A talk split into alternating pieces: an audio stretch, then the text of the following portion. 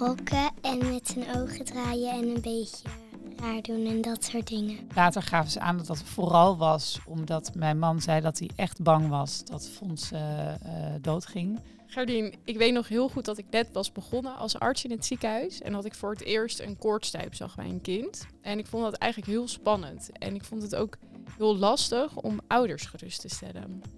Dat begrijp ik heel goed, want dat ziet er heel indrukwekkend uit. En ouders en ook jonge dokters zijn best wel een beetje van slag als ze dat zien. En gelukkig, als je wat langer in het vak zit, dan weet je waar je op moet letten en op welke gronden je kan zeggen dat het een onschuldige koortstuip is. Welkom bij 3 keer 7 bij de dokter. Zeven vragen. Zeven antwoorden. En zeven tips. Samen met een kind en ouder bespreken wij in elke podcast in 15 minuten een ziektebeeld binnen de kindergeneeskunde. Ik ben Lotte Heijerman, artsassistent bij de kindergeneeskunde. En ik ben Gardine Kamp, kinderarts in Tergooi met meer dan 30 jaar ervaring in de kindergeneeskunde. Vandaag hebben Gerdien en ik het over koortstuip bij kinderen. Stuip, stuipen, dan denken we eigenlijk allemaal aan epilepsie. Dus wat is dit eigenlijk voor iets? En hoe kan het dat dit specifiek bij kinderen voorkomt? Wat betekent dit voor de toekomst? Hiervoor gaan we in gesprek met drie gasten. We hebben Michiel uitgenodigd en Carlijn en Julie. Ja, ik ben Michiel Platen, ambulanceverpleegkundige. En verder uh, werk ik uh, op de spoedeisende nog als uh, eh, SCA-verpleegkundige. ik ben Carlijn, ik ben de moeder van drie kinderen, onder andere Fons en van Julie. En Julie, hoe oud ben jij? Jij gaat vertellen over je broertje Fons. Hoe oud is Fons? Twee. Fons heeft een koortstuip gehad. Toen kwam hij bij ons in het ziekenhuis. Vraag 1. Wat is een koortstuip? Een koortstuip of een koortsconvulsie treedt op wanneer een kind vaak hoge koorts heeft, meestal bij 39 graden. Omdat je niet altijd in de gaten hebt dat je kind koorts heeft, komt het vaak heel onverwachts. Koortstuip ontstaat door tijdelijke kortsluiting in de hersenen van een jong kind. Zo ziet het eruit. Je kind reageert niet, is eigenlijk buiten bewustzijn. Het lichaam van je kind wordt helemaal slap of stijf. Je ziet schokken van beide armen en benen. En soms zie je ook schuim of slijm in de mond, wegdraaien van de ogen naar boven, moeilijk ademhalen en blauwe lippen of een blauw gezicht. Dat hoeft niet allemaal, maar dit zijn de voornaamste kenmerken. Het ziet er heel naar uit en ouders denken vaak dat hun kind doodgaat. Maar dat is niet zo. En hoe ontstaat die kortsluiting? Want je zei er is een kortsluiting in de hersenen. De hersenen van vooral jonge kinderen kunnen zich niet zo snel aanpassen aan de stijging van de lichaamstemperatuur. Die hersenen zijn nog onrijp. Bij oudere kinderen gaat dat wat beter. Daarom zien we bijna geen koortstuipen meer bij kinderen die ouder zijn dan vijf jaar. En Fons, die is dus twee jaar. Wat zagen jullie bij Fons? Wat gebeurde er? Nou, we waren eigenlijk net thuisgekomen en we vonden hem op dat moment niet heel ziek. En opeens uh, zei Lise, zijn jongere zusje, mama, mama, Fons doet raar. En toen hing hij over de stoel heen te schokken en met zijn ogen naar boven te draaien. Ik zag een beetje slijm en hij kreeg een beetje blauwe lippen. En toen viel hij helemaal weg, werd hij helemaal slap. Nou, en toen hebben we eigenlijk al heel snel ook wel in die gedachte 1 en 2 gebeld. Ik dacht ook echt, omdat hij blauw werd, dat hij niet meer ademen dat hij doodging. Dus ik dacht, er moet zo snel iemand ook meekijken om te kijken wat er is en wat er moet gebeuren. En iemand die daar een frisse blik op heeft. Dus je hebt meteen 112 geweld? Ja. Vraag 2. Hoe vaak en bij wie komt een koortstuip voor? Koortstuip komt heel vaak voor. Tussen de leeftijd van 6 maanden en 5 jaar krijgen 2 tot 5 van de normaal ontwikkelde en gezonde kinderen een koortstuip meestal op de eerste ziektedag. Bij 1 op de 3 kinderen herhaalt het zich, soms al binnen 24 uur. En bij 1 op de 10 kinderen kan het ook vaker dan twee keer voorkomen. De gevoeligheid van de hersenen voor koortstuip zit in de genen bij families. Bij 1 op de 3 families komt het veel meer voor. En als dat zo is, krijgen de kinderen het ook allemaal sneller. Vroeggeboren kinderen hebben ook meer kans op koortstuipen en ook kinderen met een ontwikkelingsachterstand. Maar bij gezonde kinderen komt het dus ook voor. Door een vaccinatie kun je ook koorts krijgen en dan ook soms een koortstuip. En hoe zit dat bij jullie in de familie? Hebben andere kinderen een koortstuip gehad of uh, vader? Nee, andere kinderen hebben het nooit gehad. Ik heb het ook bij mijn ouders gecheckt en die hebben het bij mij of bij mijn man ook nooit uh, eerder gezien. Vraag 3. Hoe weet je dat het een koortstuip is? Nou, bij een onschuldige koortsstuip geldt, er is altijd koorts. Meestal boven de 39 graden, maar boven de 38 graden is koorts. Er is bewustzijnsverlies en verstijven of slap worden, met daarna schokken van beide armen en benen. Meestal houdt het binnen 5 minuten op en het duurt nooit langer dan 15 minuten. Na afloop zie je dat je kind ander gedrag laat zien. Dit noemen de dokters post-ictaal gedrag. Je kind lijkt suf, kijkt soms door je heen en je maakt weinig of geen contact. Na een uur moet dit weer helemaal over zijn. Dan is je kind weer helemaal wakker en kun je normaal contact maken. En dan bewegen de beide armen en benen ook weer normaal. Soms, als een kortstuip lang duurt, krijgt een kind medicatie, waardoor het langer, moe, sloom en een beetje suf kan zijn. En ze willen ook altijd slapen na een koortstuip. Carlijn, je vertelde net al dat jullie bij Fons eerst dachten aan verslikken, want hij was ook aan het eten.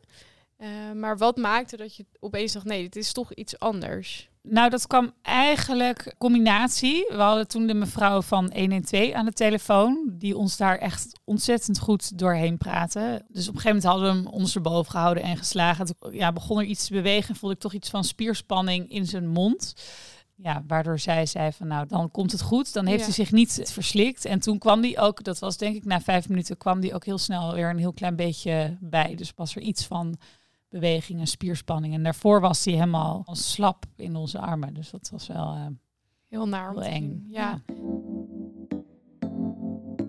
Vraag 4. Hoe weet de dokter dat het een koortstuip is? Mensen vertellen hoe het is gegaan en wat er is gebeurd.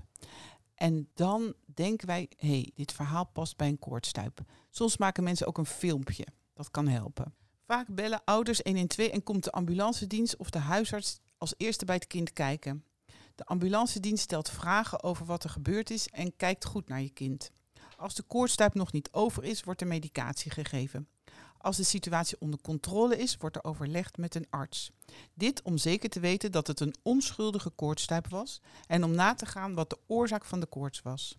Meestal is dat een onschuldige virale infectie zoals een neusverkoudheid, keelontsteking, oorontsteking of buikgriep. Wat heb je gedaan? Want die ambulancedienst die komt te aanrijden. En toen, wat gebeurde er? De buren halen. Ben je naar buiten gerend? Ja, toen zagen de buren het en toen moesten we met hen mee naar hun huis. Hoorde je de ambulance al komen of hoe ging dat? Toen de ambulance aankwam, waren we al bij de buren. Toen uh, Fons bij het ziekenhuis was, toen konden we weer terug naar huis. Toen gingen we nog Fons en mama ophalen. En was Fons toen weer helemaal normaal? Ja, Michiel, kun je vertellen hoe dat gaat als mensen 112 bellen aan de andere kant van de telefoon? Ja, mijn collega's op de meldkamer eh, ambulancezorg, die krijgen een telefoontje van een vader of moeder vaak eh, binnen. Eh, in paniek dat hun kind ja, raar doet en eh, denken ze vaak een epileptische aanval eh, heeft.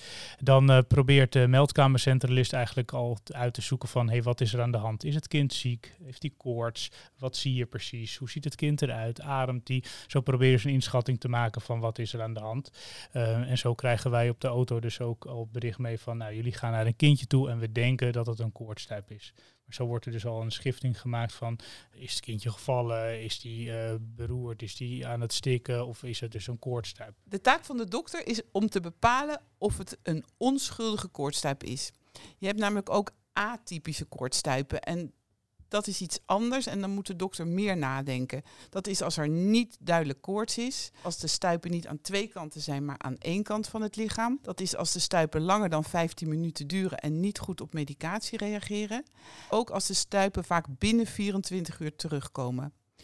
Ook is het anders wanneer een kind na een uur nog niet goed reageert of niet goed praat of niet goed beweegt. Daarnaast checkt de dokter altijd of er ook alarmerende signalen bij de koorts zijn en of er bij lichamelijk onderzoek dingen worden gevonden waarvoor extra onderzoek of behandeling nodig is. Ja, ik maak eerst voor mezelf een afweging van denk ik dat het uh, kindje mee moet naar het uh, ziekenhuis of niet.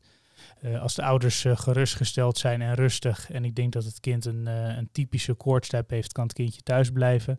Maar ik overleg altijd met een huisarts of met een kinderarts als het kind bij de kinderarts uh, bekend is. En dan is typisch is dus een onschuldige koortstuip. En als het dus atypisch is, wat Gerdien net vertelde, dus dan heeft het andere kenmerken, gaat het altijd naar het ziekenhuis. Vraag 5. Wat kun je daaraan doen als een kind een koortstuip heeft? Er is natuurlijk sprake van een hele heftige stresssituatie. Het helpt als je rustig kunt blijven en als je goed kan kijken wat er gebeurt. Kijk ook op de klok hoe lang het duurt.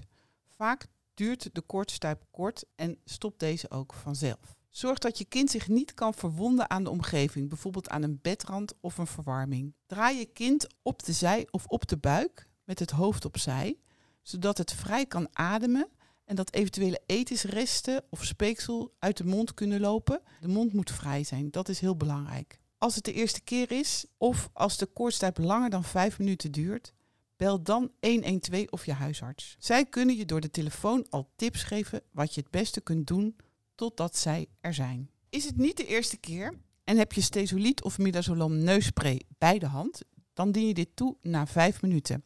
Kijk naar de instructies onderaan de folder hoe je dit moet doen. Bij twijfel bel je altijd de huisarts of 112. Ja, vaak zijn de kinderen al uit de koortstuip als wij eh, ter plaatse zijn. Dan geven we verder niks. Mocht het langdurige koortstuip zijn, kunnen wij midazolam toedienen via de neus als neusspray. En daarmee stopt uh, de koortstuip. Hoe is dat bij jullie gegaan thuis, uh, Carlijn? Want je vertelde net al, je hebt 1 en 2 gebeld, die gaf wat adviezen en toen? Nou, toen die stuiptrekkingen stopten, toen werd hij heel slap. Dus toen leed hij echt bewusteloos. En toen kwam hij, ik heb, het, ik heb niet op de klok gekeken, uh, had ik moeten doen, maar was even niet de situatie. Dus ik denk na vijf minuten kwam hij weer een beetje bij. En toen was hij wel heel suf ja, keek hij wel door je heen en draaide af en toe die ogen weer weg. Hij ademde in ieder geval weer en hij begon ook een beetje te huilen. Dus dat was wel geruststellend. Maar hij was nog wel niet, niet helemaal op de wereld. Uh, volgens mij was na vijf, zes minuten begon ik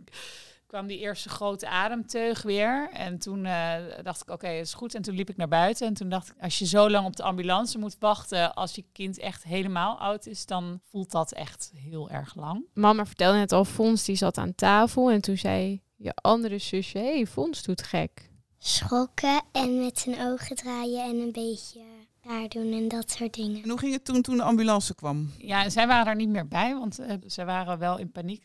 Uh, toen kwam de ambulance, twee heren, die kwamen heel rustig binnen. Um, dat geeft al heel veel rust eigenlijk. Ja, die hebben ons toen wel ervoor gekozen om uh, ons mee te nemen. Later gaven ze aan dat dat vooral was omdat mijn man zei dat hij echt bang was dat Fons doodging. Dus dat het vooral was om ons gerust te stellen. Vraag 6. Hoe ziet de toekomst na de koortstuip eruit? Ronduit goed. Het krijgen van een onschuldige koortstuip heeft geen negatief effect op de ontwikkeling van je kind. En er ontstaat ook geen hersenschade. Er is ook niks wat je kunt doen om de koortstuip te voorkomen. Paracetamol helpt niet.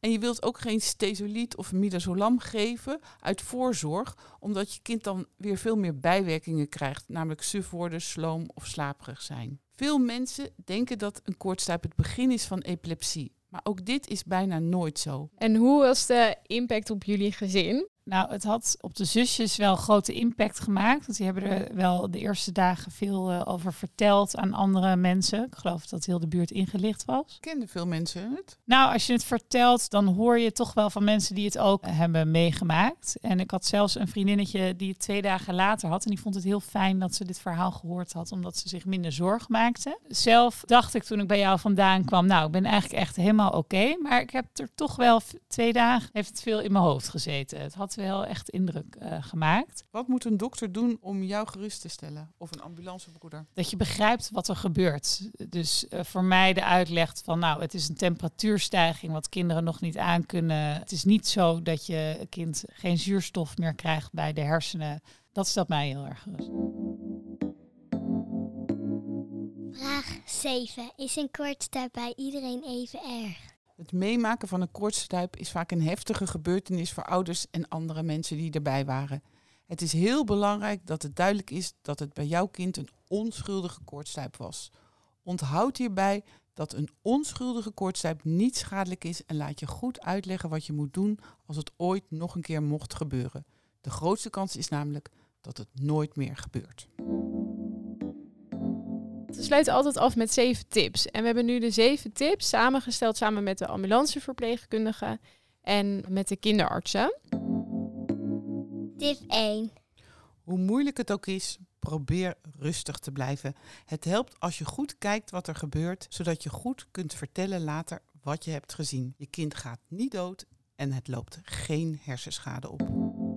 Tip 2. Zorg dat je kind zich niet kan bezeren en leg het op de linkerzij of op de buik tijdens de koortstuip. En zorg dat de mond vrij is tijdens een koortstuip, zodat zijn kind zich niet kan verslikken. Tip 3. Kijk ook op de klok hoe lang het duurt. Als het veilig is voor het kind, probeer de aanval te filmen. Dit geeft voor mij als ambulanceverpleegkundige een bevestiging van wat er gebeurd is. En Carlijn, je, je vertelde al dat het echt wel heel lastig is natuurlijk om in zo'n stresssituatie ook nog op de klok te kijken en nog te filmen. Ja, als het nog een keer zou gebeuren dat op de klok kijken, dat lukt. Maar dat filmen, dat... eh, is echt lastig. ja. Tip 4. Na de koortstuip moet het altijd duidelijk zijn of de koortstuip onschuldig was en wat de oorzaak van de koorts was.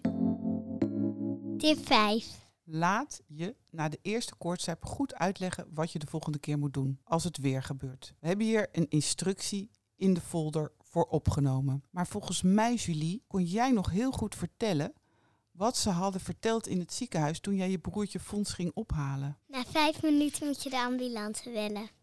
Hij moet veilig liggen zodat hij zien- zich niet kan stoten. Papa en mama moeten rustig blijven. Jij kan naar de buren rennen. Ja. Tip 6. Bel zeker na 5 minuten 112 of eerder als je het niet vertrouwt. Eén tip die ik mee wil geven, zet de voordeur open, zodat wij gelijk naar binnen kunnen lopen. En blijf in huis, want in huis kunnen we het kind beter nakijken.